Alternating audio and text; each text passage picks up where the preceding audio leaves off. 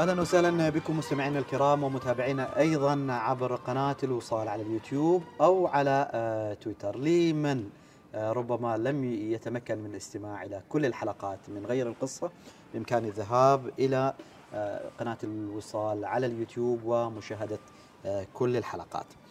ضيف اليوم نتحدث عن مبادرة معه عن مبادرة مهمة جدا ساهمت ربما مش بس في مئات ربما آلاف الأسر في آه، السلطنة في تغيير قصتهم آه، للأحسن. سرني أن أرحب بسعادة الدكتور محمد الزجالي رئيس جمعية المحامين العمانية المشرف على مبادرة مهمة جدا جدا مبادرة فك كربة سعادتك أهلا وسهلا بك. مرحبا وسهلا. مساء الخير آه، الأستاذ سالم لك وللأخوة أيضا الزملاء في الاستوديو وفي قناة الوصال عموما.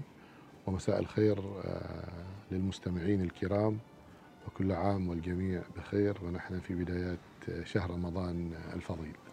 كل عام وأنت بخير. آه، في ميزان حسناتكم. آه، كل الشباب القائمين على فك آه، كربة. وأيضا في ميزان حسنات كل من تبرع لهذه ال- المبادرة.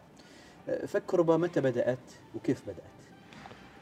فك كربة بدأت في شهر رمضان عام 2012 ميلادية. آه، بدأ آه، بها عدد آه، عشرة محامين التقطوا الفكرة من إحدى قاعات محكمة مسقط. كان هناك آه، مواطن صدر بحقه أمر حبس. نتيجة دين آه، قيمته لا تتجاوز الألفين ريال عماني. وبالمناسبة كانت هناك امرأة أيضا عمانية موجودة في قاعة المحكمة لسبب آخر. فانبرت المرأة وعرضت أن تدفع آه، دين هذا المواطن المأمور آه، عليه بالحبس وبالفعل دفعت المبلغ وتم آه، رفع أمر الحبس أو إلغاء أمر الحبس عن المواطن قبل أن يعني يؤخذ إلى مقر الحبس. فالمحامين الموجودين في القاعة طبعا يعني وقعت هذه الواقعة بالنسبة لهم يعني آه، يعني من خلال وقع وتأثير آه، عاطفي وإنساني لديهم خاصة وأن المحامين أيضا لهم مواقف في قاعات المحاكم أيضا مشابهة آه، ليس فقط يقتصر دور المحامي عن الترافع أو الحضور نيابة عن موكله وإنما هناك مواقف إنسانية أيضا مسجلة للمحامين في قاعة المحكمة.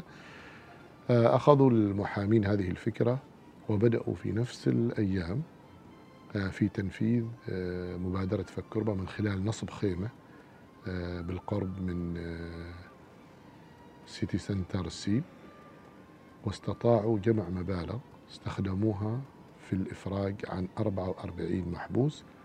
يعني اقتصرت حينها أعمالهم على محافظة مسقط. وتم الإفراج فعلا عن 44 محبوس خلال آه، النسخة الأولى من مبادرة فك كربة في عام 2012 ويعني هنا آه، يعني تعتبر الانطلاقة الحقيقية آه، لمبادرة فك كربة. تزامن أيضا هذا الحدث مع يعني أيضا جهود أخرى. بذلها محامون في محاكم أخرى. يعني أيضا تأتي في نفس الإطار ولكنها لم تكن بنفس الزخم. وما كانت منظمة يعني. ما كانت منظمة كانت لكن كان تبنى محامين.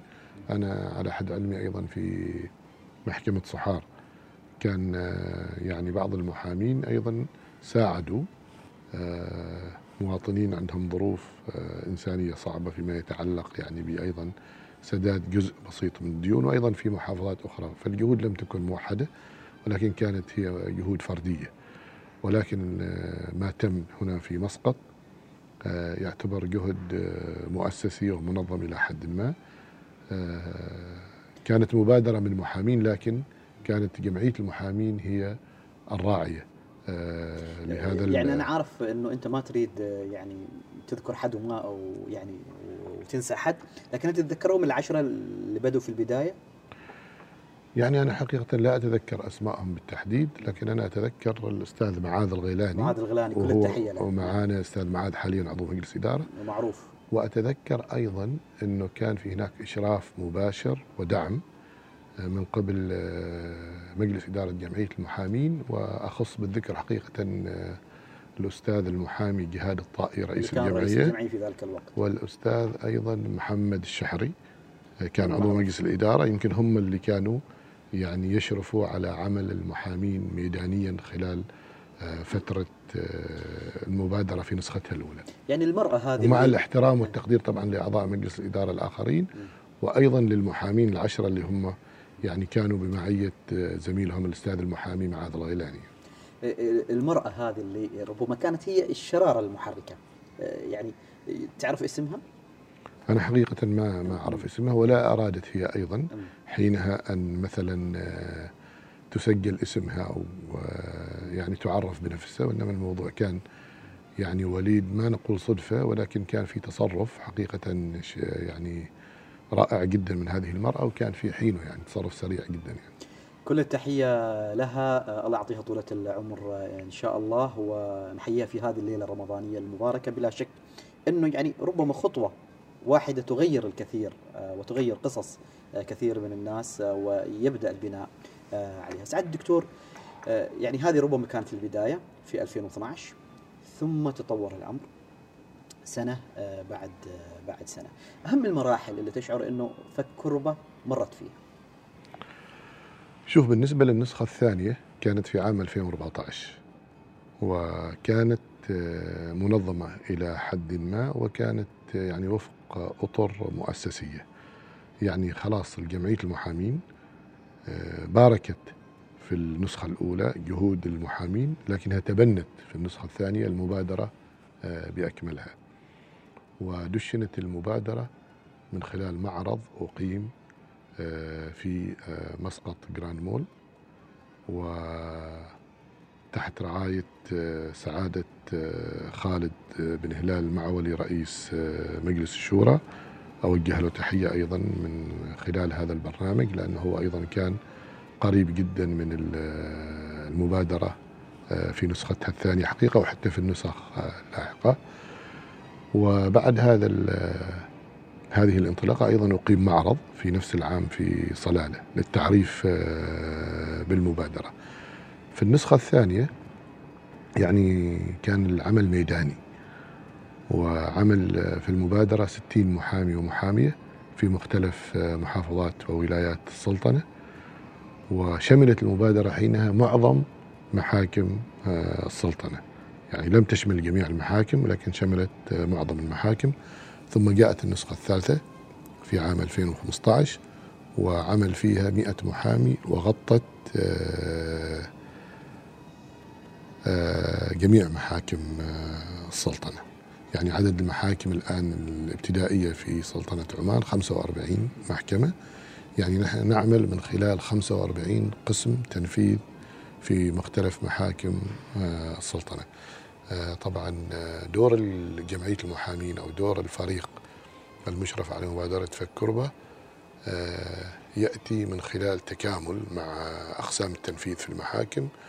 وحقيقة ومع دعم أيضا وزارة التنمية الاجتماعية كونها ال- الجهة المشرفة على جمعية المحامين. آه، سعادة الدكتور آه، يعني بلا شك من سنة إلى سنة صار في زخم أكبر آه، صار أيضا اهتمام أكبر.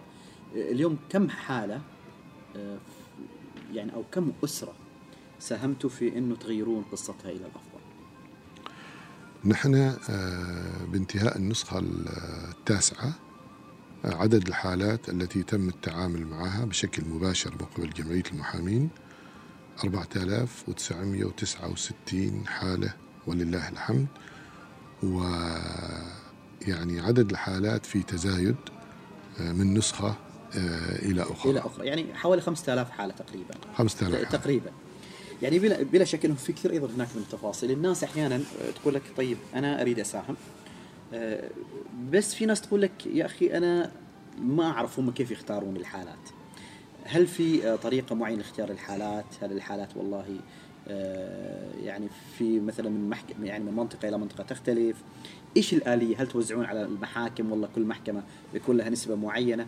كيف تتم اختيار الحالات والتوزيع؟ شوف نحن بداية آه، لدينا ضوابط وهذه الضوابط تسري على جميع الحالات أولا لابد أن يكون المستفيد من الدعم يا محبوس أو صادر بحقه أمر حبس. يعني استنفذ كل درجات التقاضي. وبالتالي يعني ليس لديه أي مفر إلا أن يحبس أو يسدد قيمة الدين. يعني تعرف استغرق الأمر منه ما يقارب عام أو أكثر.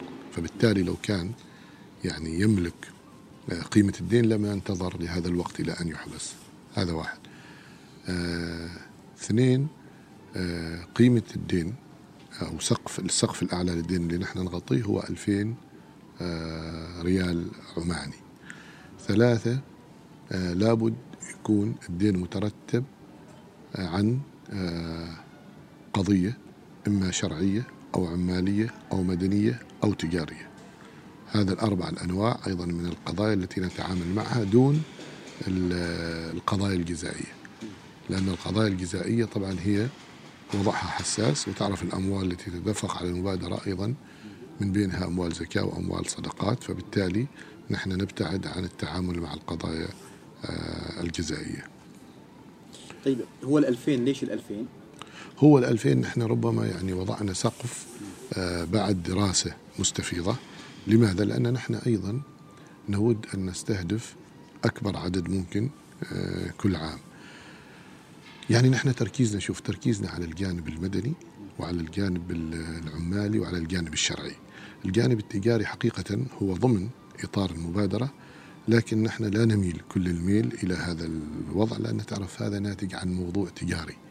وبالتالي دائما التجارة تعاملاتها المالية حقيقة هي أكبر من المبالغ اللي نحن مخصصين. معلش دكتور أنت أيضا تتكلم وأنا عارف إنه كثير بلا شك من المستمعين فاهمين طبيعة القضايا المدنية ولكن أيضا في ناس ما متخصصين. عادة إيش هي الأمثلة اللي في القضايا المدنية تحديدا اللي يتم فيها الحكم بهذه الأرقام اللي تصل إلى 2000 شوف نحن يعني الآن معظم القضايا اللي نتعامل معاها يعني حقيقة هي ديون وهذه الديون يعني فرضتها الظروف. يعني من بين الحالات أو القصص اللي نحن نحن تعاملنا معها. يعني مثلا آه عندنا مثلا من الحالات اللي مرت علينا آه أنا يعني تستحضرني قصة طالبة. طالبة لم تستطع أن تدفع قيمة إيجار السكن والذي هو يعني كان في هذا في في في نسخة سابقة لا يتجاوز ال 50 ريال عماني وصدر بحقها أمر حبس لكن ولله الحمد نحن استطعنا يعني أن نغلق الملف قبل أن تحبس. يعني هذا الموضوع شق مدني يتعلق بالإيجارات. آه أيضا يعني من ضمن الحالات يعني اللي مرت علينا إنه مواطن تسلف مبلغ لعلاج والدته وبالتالي لم يستطع الإيفاء بقيمة الدين وصدر بحقه أمر حبس وحبس. لماذا؟ طبعا هو طبعا العلاج موجود في السلطنة لكن تعرف الإنسان لما يكون عنده مريض يعني يكون تفكيره يعني عاطفي ف يعني هو يريد بكل وسيلة وبكل طريقة يعني أن يقدم الخدمة العلاجية الأفضل للمريض وبالتالي هو يعني لا يحسب يعني مثلا التبعات في حينها. يعني هذه من ضمن المواقف أو القصص اللي نحن يعني وقفنا عليها. أيضا من ضمن القصص إنه أنا أتذكر في كان مواطن وحيل للتقاعد بسبب أصيب بالعمى يعني لأنه عنده كان السكر مرض السكر والسكر مرتفع وبالتالي كان عليه قرض. فلما وحيل للتقاعد نقص راتب راتبه الشهري راتب تقاعدي أقل وبالتالي تراكمت عليه ديون ما استطاع أنه هو أيضا يفي بهذا ناهيك الآن يعني الحالات اللي موجودة الآن مثلا في المحاكم تتعلق بالمسرحين من العمل تتعلق بأشخاص يعني تراكمت عليهم مبالغ مثلا خدمات الكهرباء الإيجارات أنت تعرف الآن الشباب آه لما يقدموا على الزواج يضطروا إنهم يستأجروا مكان للعيش فيه. وأيضا أحيانا ظروفهم ما تسمح لهم بأنهم واحيانا عشان يكون قريب من عمله أيضا قريب من. عمله أيضا الآن أصبحت الأسر يعني من الصعب إنها تسكن مع أسرهم يعني.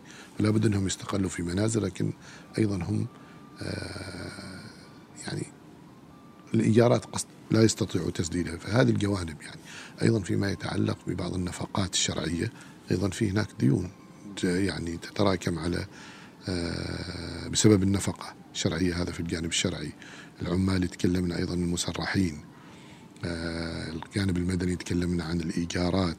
وهذه هذا النوع هو الأغلب أغلب والاعم القضايا في. في هذا المجال. نعم نعم. إذا إذا تسمح لي بعد الفاصل يعني سنكمل آه، هذه يعني أو هذه الأمسية بالحوار عن آه، الآن هذه التجربة آه، تجربة مستمرة بس كيف ممكن إنه نكبرها بشكل أكبر؟ يعني الآن أنتم عندكم هذه السنة مستهدفين عدد معين ولا حتى الآن مبدئيا في عدد معين ولا حسب لا نحن؟ نحن نحن طموحنا ومستهدفين 1300 1300 حالة. نعم هذا العام أي نعم لأن العام الماضي كنا نحن استهدفنا ألف حالة ولكن الحمد لله رب العالمين وفقنا في التعامل مع 1035 حالة. كيف العام القادم إن شاء الله تكون المبادرة؟ يمكن حتى الضعف وكيف ممكن أيضا تكبر هذه المبادرة؟ وكيف أيضا للجمعيات الأخرى؟ انه تستفيد أنتم اليوم جمعية المحامين في مجالكم في تخصصكم.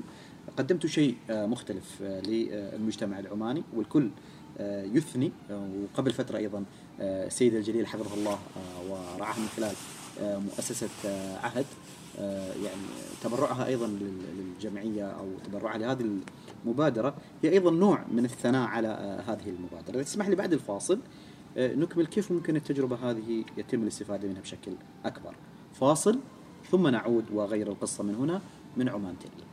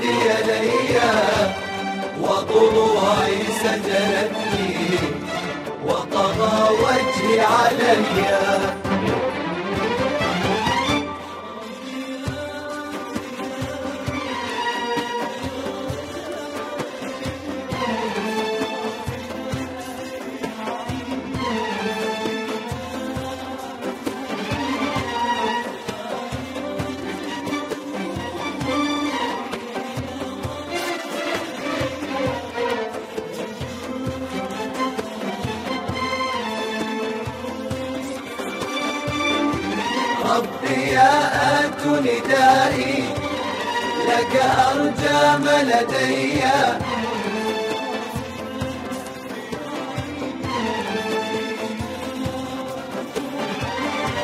حائرا مثل دموعي حين ضاقت شفتي.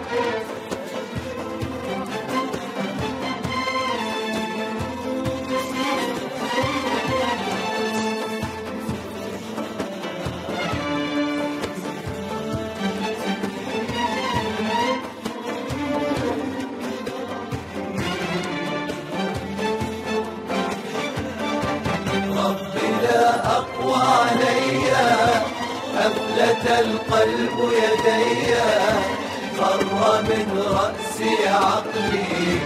لم أعد أفقه شيئا. حطم الضعف عنادي ونوى عودي لي وضلوعي سجنتني وطغى وجهي علي.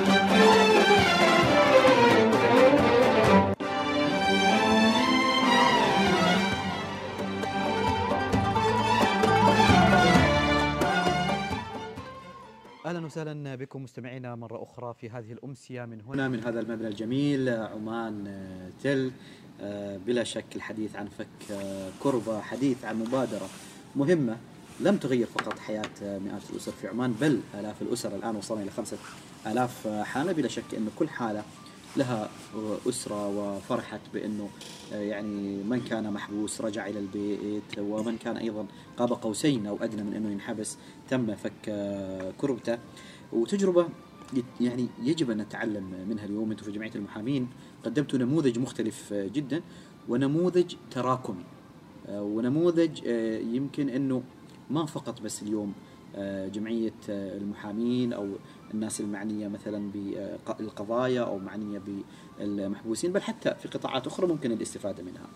أه، سعاده الدكتور أه، هذه السنة 1300 العام القادم كيف ممكن تكون 2600 أه، حالة إن شاء الله؟ ما شاء الله يعني هذا التفاؤل أستاذ سالم يعني يحملنا مسؤولية جزاك الله خير. شوف نحن طبعا ولله الحمد ونتيجة التجاوب من المجتمع اللي معروف عنه إنه يعني مجتمع سمته التلاحم والتعاضد. يعني هذا هو اللي نحن ننطلق من خلاله حقيقة. آه إن شاء الله تعالى نحقق الرقم اللي تفضلت فيه.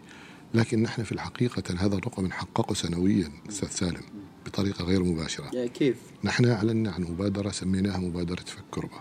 فصار هذا الاسم هو المصطلح اللي يتبع في الإفراج عن المعسرين. في مختلف آه، مناطق وولايات ومحافظات السلطنة من خلال الفرق الخيرية ومن خلال الجمعيات الخيرية. بدون ما يرجعوا لكم يعني أيوة. بنفس الطريقة هي, يروحون هي تستخدم نفس المصطلح فك كربة وتجمع تبرعات أو تستخدم أموال الزكاة والصدقات في الإفراج عن محبوسين. يعني الهدف نفسه يتحقق ولكن من خلال فرق آه، أخرى. طبعا في كثير من الأحيان أنا يطلب مني أن نحن يجب أن نؤطر هذا العمل في إطار مبادرة فكربة الرئيسية. آه لكن أنا يعني حقيقة لي وجهة نظر مختلفة. يعني أنا أعتقد أن الهدف واحد و يعني الوسيلة قد يكون تختلف ولكن الهدف والغاية تتحقق. فبالتالي نحن لا نريد أن نقف حجر عثرة أمام هذه الفرق وإنما يعني في النهاية المحصلة أنه عدد كبير من المواطنين ومن المقيمين استفاد من آه، فلسفة فك كربة فلذلك الفرق الأهلية والجمعيات الخيرية في مختلف أرجاء السلطنة أيضا تقوم بذات آه، العمل. وبنفس المنهجية؟ بنفس المنهجية لكن قد تكون الشروط والضوابط المتبعة تختلف.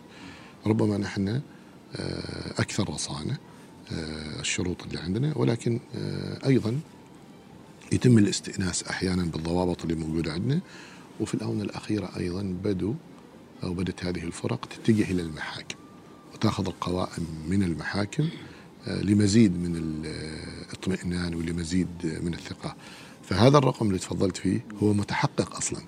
ولكن نحن ربما لا آه، نضعه ضمن آه، يعني نتائج أو الرقم الذي آه، تنتهي به كل نسخة من نسخ مبادرة فكربة لأن نحن نتكلم عن التعامل المباشر ما بين آه، المبادرة وما بين أقسام التنفيذ آه، في المحاكم. فكربة إذا تكلمنا عن هذا المصطلح يعني وليس كمبادرة يعني هذا أصبح واقع ولا بد أن يتطور. يعني وهذا طبعا ليست يعني السلطنة هي الوحيدة التي يعني بها عدد آه، هؤلاء هم غارمين في الأستاذ سالم يعني هم محبوسين معسرين ما قادرين يدفعوا لغاية ما حد آه، يقضي دينهم ويتمتعوا بالحرية. ففكروا أصبح أمر واقع وهذه المبادرة تتطور آه، ويعني فلسفة فكربة بشكل عام هي أيضا تتنامى وبالتالي أعتقد إنه أن الأوان لتوحيد الجهود بحيث أن هذه الجهود, الجهود تنصب في إطار واحد ولما يكون العمل منظم ويكون عمل مؤسسي وتكون جهود كلها موحدة في مختلف أنحاء السلطنة أعتقد آه، راح نصل لهدف أكبر راح نصل لعدد أكبر من المفرج عنهم. أيضا آه، راح نجد هناك ثقة ومساهمة أكبر وأكبر من آه، المجتمع.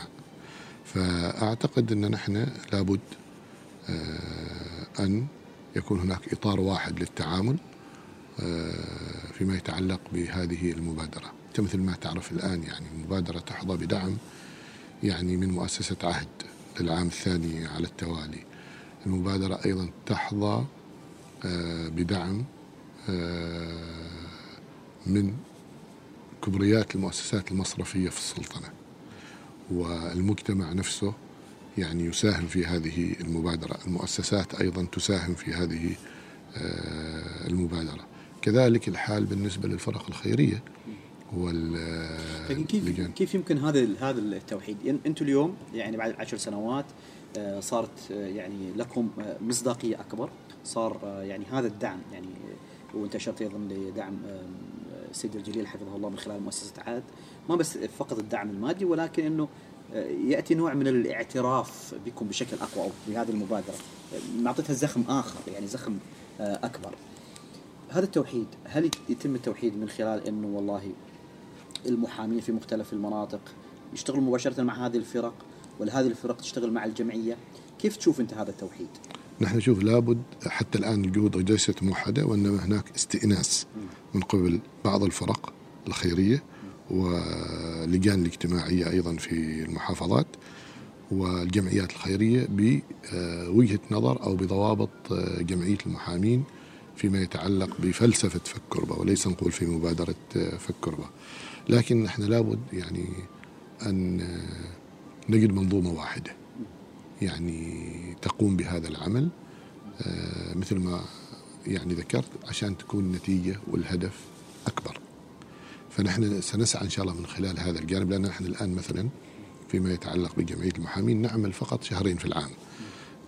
عادة تدشن المبادرة قبل شهر رمضان بعشرة أيام وتستغرق شهر رمضان بأكمله ثم عشرين يوم بعد شهر رمضان هي تعتبر يعني يعني مرحلة الإغلاق. يعني تقول فالعمل يستمر لمدة يعني شهرين. تستهدفون أنه قبل العيد يكون كل حد إذا كان محبوس يكون في بيته أو أنه يتم إعطاء الخبر الس- السعيد قبل العيد كذا الفكرة. هو لا هو شوف حتى العام هذا يعني مؤسسة عهد قدمت الدعم السخي للمبادرة قبل بداية شهر رمضان. قبل وتم الإفراج عن العدد المستهدف من جميع محافظات السلطنة قبل آه، رمضان بيوم. وأيضا شهر رمضان أيضا المقصود فيه أنه المحبوسين يقضوا آه، شهر رمضان مع عوائلهم ومن لم يعني نتمكن من آه، إغلاق ملفاتهم في شهر رمضان يكون قبل العيد أيضا نتمكن من إغلاق هذه الملفات لكي يقضوا إجازة آه، أو أيام عيد الفطر المبارك بين أهلهم وذويهم.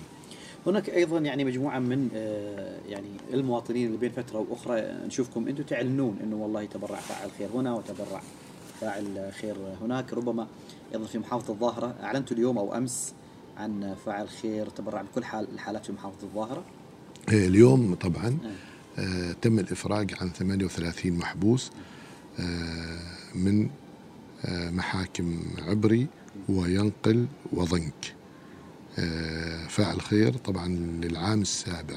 نفسه هو على. التوالي نفسه هو يتكفل بالحالات التي تنطبق عليها شروط مبادرة فكربة آه، في محاكم محافظة الظاهرة. بدأ فاعل الخير آه، بهذا ال- العمل الإنساني منذ النسخة الرابعة. ومستمر في النسخ التي أثرتها واليوم طبعا آه، هذه المساهمة السابعة من قبل آه، فاعل الخير. طبعا فاعل الخير أنا كمشرف على المبادرة ورئيس جمعية المحامين ما أعرفه منه. معقوله نعم ما أعرفه. كيف؟ هو يتعامل مع أحد أعضاء المبادرة ويعني احتراما لرغبته آه، ما يريد حد يعرف عنه. فبالتالي فقط هو يعرفه اللي هو الشخص الذي يتعامل معه دون سواه. شخص شخص واحد. شخص واحد وأنا حقيقة يعني احتراما لرغبته أيضا ما ما ما يعني ما ألحيت ما. لحينا بالسؤال عن من هو يعني ف سعد دكتور خلينا هنا نتوقف عند شيء. يعني يمكن إن إحنا أهل الإعلام آه، نفضل إنه كثير من الناس تكشف عن أساميها لأنه نعتقد آه، إنه هذا يشجع الآخرين على التبرع. وفي آخرين أيضا آه، الناس اللي هم ربما أيضا آه، عندهم أيضا تفسيرات معينة لبعض ال- ال- القراءات إنه لا فاعل الخير ما يكشف عن نفسه لأنه هو يريد يتبرع لوجه الله. وين الأفضل؟ وين ال- الأصح؟ وين اللي تشوفه هو آه، المناسب لهذا الزمان؟ شوف نحن ممكن ناخذ بالمعيارين هو كلاهما مفيد وين المفيد للمبادره مثل فك كربة؟ هل المفيد إنه أنا أعلن ولا أنا ما أعلن؟ لا شوف آه احتراما لرغبة الشخص لكن أنا في بعض الأسماء آه بالعكس آه يعني الإعلان عنها يساهم في إنه أن الآخرين تكون دافع هي. ولكن أيضا في متبرعين أو مساهمين يعني بطبيعة آه يعني أعمالهم الإنسانية دائما تكون يعني تحاط بالسرية مثل ما يقول تنفق آه، يمينك ما لا تعلم آه، شمالك يعني لكن حتى اليوم مثلا آه، يعني الموضوع الخاص بفاعل خير يعني أخذ صدى كبير جدا جدا يعني معظم أو لم يكن كل وسائل الاعلام وسائل التواصل داخليا وحتى خارج السلطنة تناولت هذا الموضوع. وحتى الصحف والقنوات العاملة في السلطنة باللغة الأجنبية أيضاً تناولت تناولت هذا الموضوع. أي، فالموضوع انتشر بشكل كبير. هذا الانتشار تأكد كل التأكيد يشجع يعني الآخرين آه على التبرع. يعني نحن الآن من خلالكم نقدم شكر لوكالة الأنباء العمانية تلفزيون سلطنة عمان للإذاعة آه، الاذاعات العامة والخاصة جميعها ووسائل التواصل الجميع كان مهتم بهذا الموضوع هذا يعطينا دافع هذا دعم حقيقة للمبادرة يعني آه، لذلك يعني مثل ما تلاحظ إنه التبرعات تزداد وعدد المستفيدين من المبادرة يزداد. إنه يزداد، طيب الآن نحن عرفنا آه، إنه فيما يتعلق بكيفيه الوصول إليكم التبرع وعرفنا أيضا آه، إنه أنتم تذهبون إلى أقسام التنفيذ أو من خلال المحاكم، لكن هل هناك حالات أخرى آه، يعني آه، آه، ربما آه، ما بالضرورة إن هي تمر آه، يعني أو تصل إلى إلى التنفيذ؟ يعني ولا كلها لازم تمر بهذا ال- ال- ال- يعني آه، المعيار الصعب؟ لا أنت تقصد يعني- قصدك الحالات المستهدفة. أنا إيه، فكرتك إيه. أول تقصد ال- الحالات اللي اللي هي المتبرعين. لا إيه. المتبرعين خلاص عرفنا انه يوصلون إليكم ويعني والتبرع. لكن في ناس تقول لك يا أخي أنا ما أريد خلاص أنا ما أقادر بس آه ما أريد أدخل كل هذه السلسلة في المحكمة. آه شوف بالنسبة ل آه ما يتعلق بالمعايير اللي نحن وضعناها نحن متقيدين فيها. ما ممكن آه. يتغير؟ يعني السنوات القادمة ان تشوفون آه طريقة على الأقل يعني وصل للابتدائي حكم عليه في الابتدائي. لا شوف نحن بالنسبة فيما يتعلق بالحالات المستهدفة أو المعايير الموضوعة طبعا نحن متقيدين فيها تماما. فالمستفيد يا يكون صادر بحق أمر حبس أو محبوس فكلاهما يعني آه، يدخلان ضمن ال- المبادرة لكن الأولوية للمحبوس اللي هو موجود اوريدي في الحبس. أيوه يعني تكون أولوية عن الشخص الذي يعني لم يحبس. طبعا نحن تأتينا مقترحات. مقترحات مقترحات. وتأتينا آه آه بايش؟ أول شيء ان نرفع السقف، ثاني شيء إن نحن لابد يعني مثل ما تفضلت يكفي إن الشخص خلاص عليه دين وهكذا، لا. نحن المبادرة هذه المبادرة آه تعد يعني نقطة في بحر. يعني هذا مجال المبادرات مجال آه، يعني فك كرب المعسرين هذا مفتوح للمجال.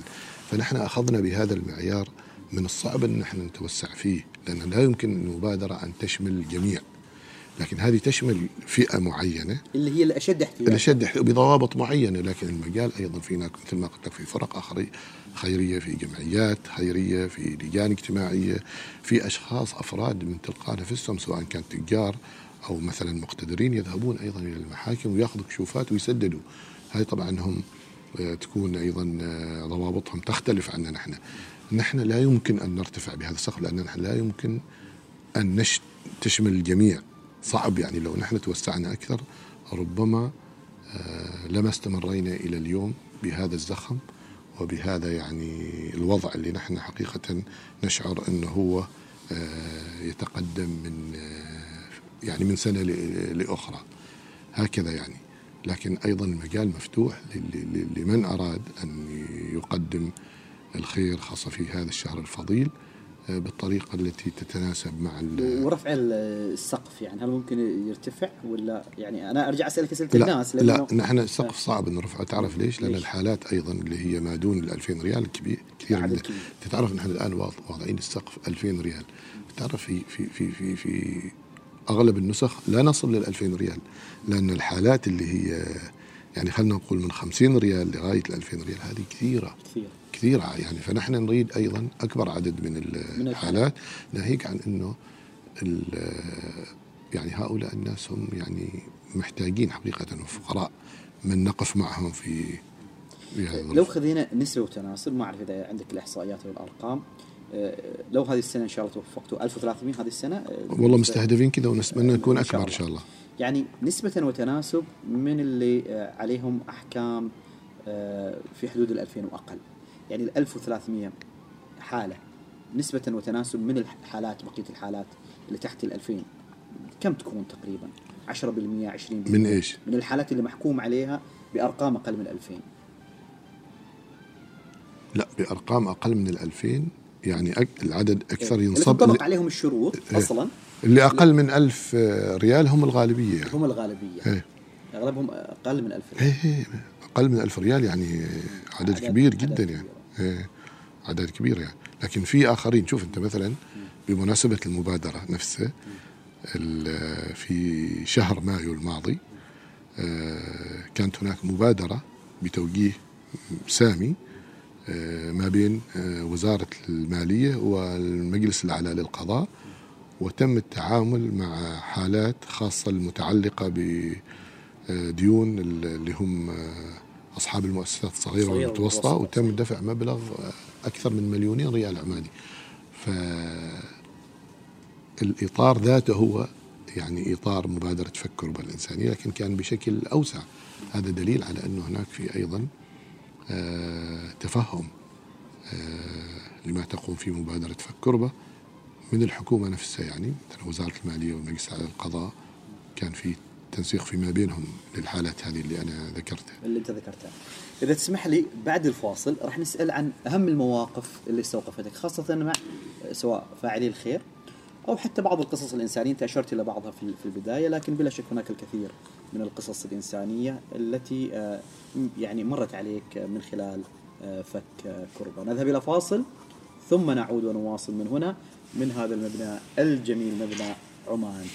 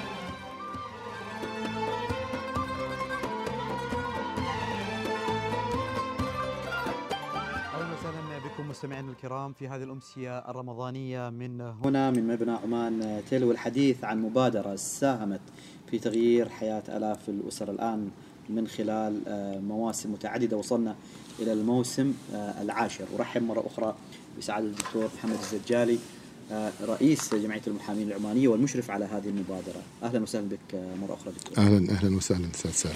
أحياك. دكتور يعني بلا شك كثير من المواقف مواقف إنسانية آه، لفاعلي خير وأيضا آه، لناس أيضا آه، ساهمت هذه المبادرة في مساعدتهم. آه، اذكر لنا بعض هذه المواقف وهذه القصص. شوف فيما يتعلق بالقصص أيضا كانت في إحدى المرات امرأة وافدة وعندها طفل رضيع وحقيقة كانت محبوسة آه، بسبب دين يتعلق بالإيجار آه، في تحديدا في مركز شرطة بوشر وكانت ال- المبادرة لم تدشن بعد في ذيك النسخة. كان يمكن عدة أيام تفصلنا عن آه، التدشين. التدشين.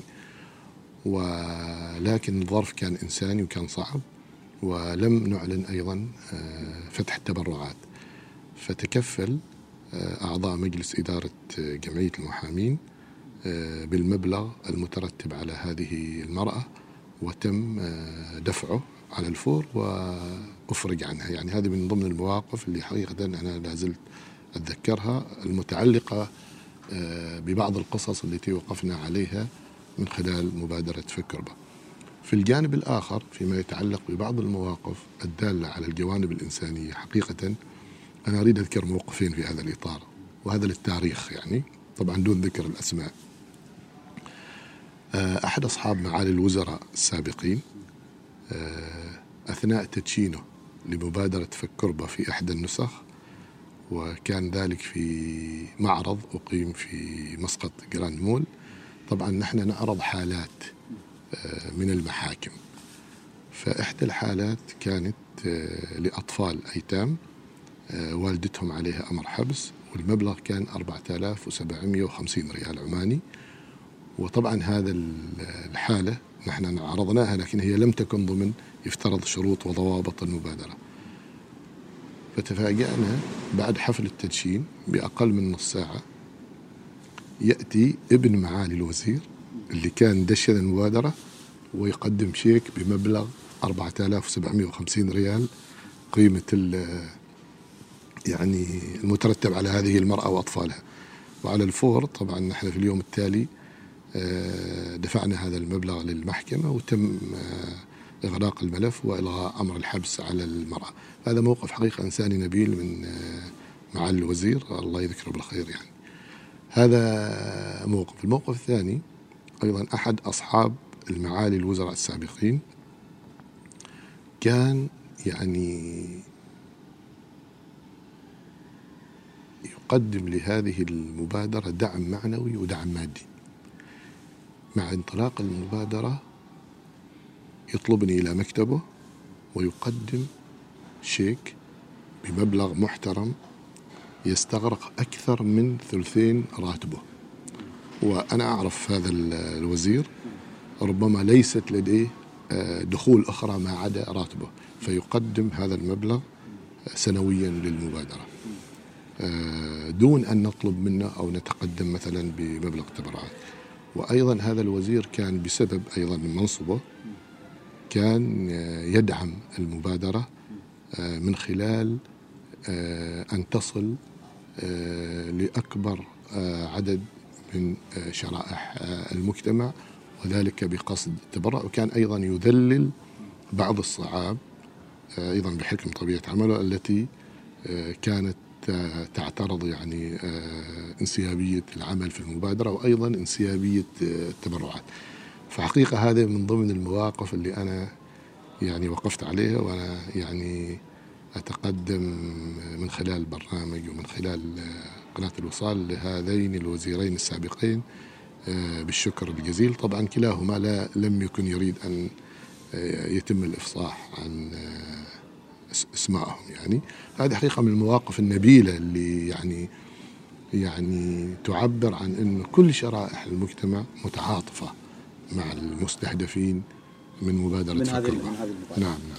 أه، سعادتك يعني أه، الفترات الماضية أيضا ونحن جينا كثير من اتصالات عبر إذاعة الوصال خاصة مع الدكتور المعتصم المعمري زميلي في منتدى الوصال وأيضا مع زميلي عبد الوهاب المجيني في ساعة الظهيرة أه، وزميله موزة الخاطري في فريق الأعداد. كثير من الأسئلة تأتي أه، فيما يتعلق بجمعية الغارمين أه، ويمكن جمعية الغارمين أه، في رأي قانوني عندهم تفسيرات معينة وفي المطالبين فيه عندهم تفسيرات معينة لكن هناك أيضا تقارب بين جزء من فكرتهم وجزء من آه، فك كربة أو آه، في نهاية المطاف هي لها علاقة ب من عليه ديون في نهاية المطاف. آه، إلى اي مدى تشوف في آه، تقارب بين فك كربة وبين أيضا ما يطالب به هؤلاء ال- الإخوة في آه، الجمعيه ال- الغارمين أو مقترح جمعية الغارمين. شوف أنا كانت أتيحت لي فرصة للجلوس مع أصحاب آه، مشروع ال- الجمعية.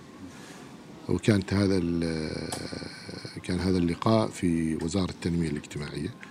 وحقيقة يعني كان نقاش ربما أنا دعيت للحضور لأن يمكن عندنا تجربة اللي هي مبادرة فكربة وأيضا كان آه، هناك ممثل لجمعية الرحمة وجمعية دار العطاء كونهما أيضا يعملان في ذات الإطار. ولكن حقيقة من خلال الشرح الأولي أنا وجدت أنه بحكم أيضا آه، إلمامي آه، البسيط فيما يتعلق بالترخيص آه، للجمعيات آه، ذات النفع العام أو الجمعيات الخيرية في ربما لم تكن آه، يعني مسودة طلب إشهار الجمعية آه، تتوافق مع قانون الجمعيات الأهلية. وبالتالي آه، ربما من هذا من هذا الجانب لم يتم الترخيص آه، لجمعية الغارمين. وهذا أيضا ما تم يعني إطلاع الرأي العام عليه بطريقة أو بأخرى من خلال رسالة الاعتذار لعدم الموافقة على إشهار آه، هذه آه، الجمعية. الجانب الآخر ربما يعني كان هناك طموح لدى القائمين على هذا المشروع يعني لاستفادة شريحة كبيرة جدا من من المجتمع. ولكن أيضا من الصعب يعني أن تتكلم عن موضوع يتعلق بالغارمين وهو مصطلح ديني إسلامي يعني آه، يعنى بمساعدة آه، مدينين نتيجة عدم قدرتهم على تسديد ديون وأيضا تستخدم في هذا الجانب أموال زكاة وصدقات. فأيضا كان المشروع كأنه يشمل حتى ال- الديون البنكية والقضايا البنكية. فهذا الموضوع أيضا آه، فيما يتعلق بالغارمين ربما يكون صعب. أنت تعرف أن إحنا حتى الآن يعني نحن حتى يمكن نكاد نكون بعيدين فيما يتعلق ال- القروض البنكية. وتعرف حتى البنوك وفي مقدمتها بنك مسقط يعتبر هو يعني من أكبر البنوك الداعمة لمبادرة فكربة وأنا أوجه لهم تحية أيضا من خلالكم آه، سنويا. لهم وكل لكل مؤسسة. يعني تساهم وبلا شك الإخوة في بنك مسقط دائما عندهم حرص على هذه نعم المبادرة. نعم. فهم أيضا البنوك تطلب منه إنه ما آه، التبرعات اللي يقدموها ما تشمل آه، قروض القروض البنكية. هم ذاتهم يعني يقولون هذه الرئه ما تشمل القروض البنكية وإنما تشمل القروض الأخرى. ربما أنا يعني لأن العدد الأكبر من ال- الحالات هي تتعلق بجوانب لها علاقة بالجوانب المدنية والجوانب العمالية والشرعية هكذا يعني. فالمعلن إنه لم تستوفي جمعية الغارمين آه، أو مشروع أو فكرة جمعية الغارمين شروط الترخيص لها من قبل الوزارة هذا واحد ثاني ثانيا نحن تحدثنا انه هناك لابد أيضا من توحيد الجهود هذه وهو الهدف نفسه يمكن اللي كانت تسعى له جمعية الغارمين توحيد الجهود في جهة واحدة ليكون العمل طيب من منظم تكون وسيسير. هذه الجهة دكتور؟ والله لابد من العمل على هذا المشروع وأنا يعني لو سألتني هذا العمل آه، يفضل أن تقوم به آه، مؤسسات المجتمع المدني. يعني هذا ليس عمل حكومي. هذا يفترض يكون عمل نابع من المجتمع. ولكن الحكومة بطبيعة الحال لابد أنها تبارك وبطريقة أو بأخرى هي تدعم هذا التوجه يعني.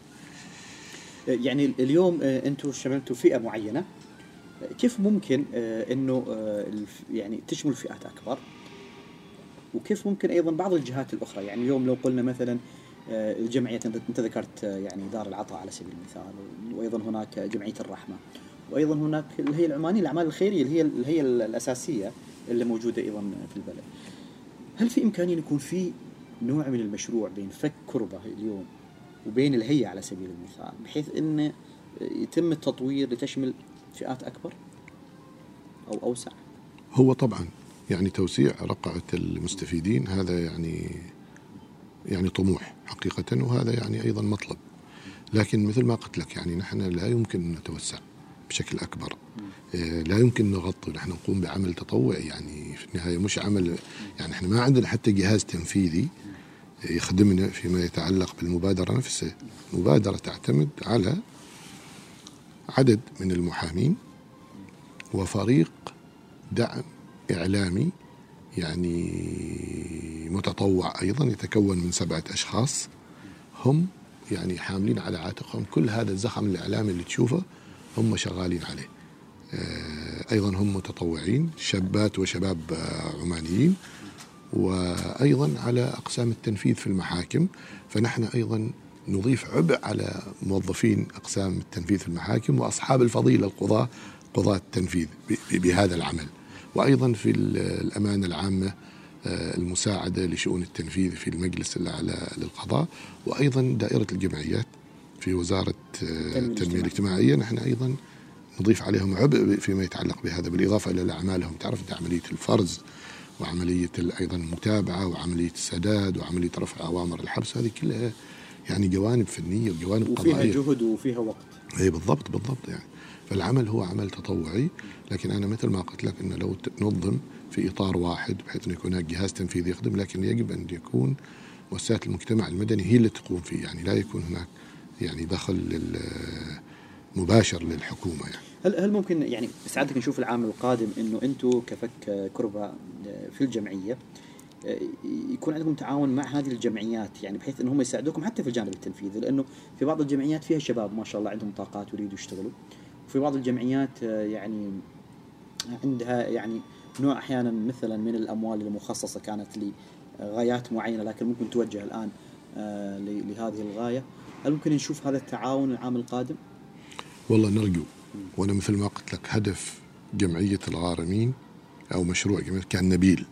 لكن ربما كان الطموح أكبر وكان ربما أيضا ال ال الاستحقاقات لا تنطبق مع قانون الجمعيات الأهلية وهو لا يوجد هناك أيضا مظله قانونية أخرى للترخيص الا من خلال هذا القانون.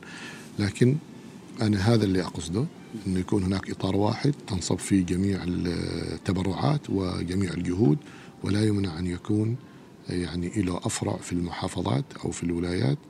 أعتقد العمل لما يكون منظم والعمل لما يكون أيضا مؤسسي سيحقق الأهداف الكبرى.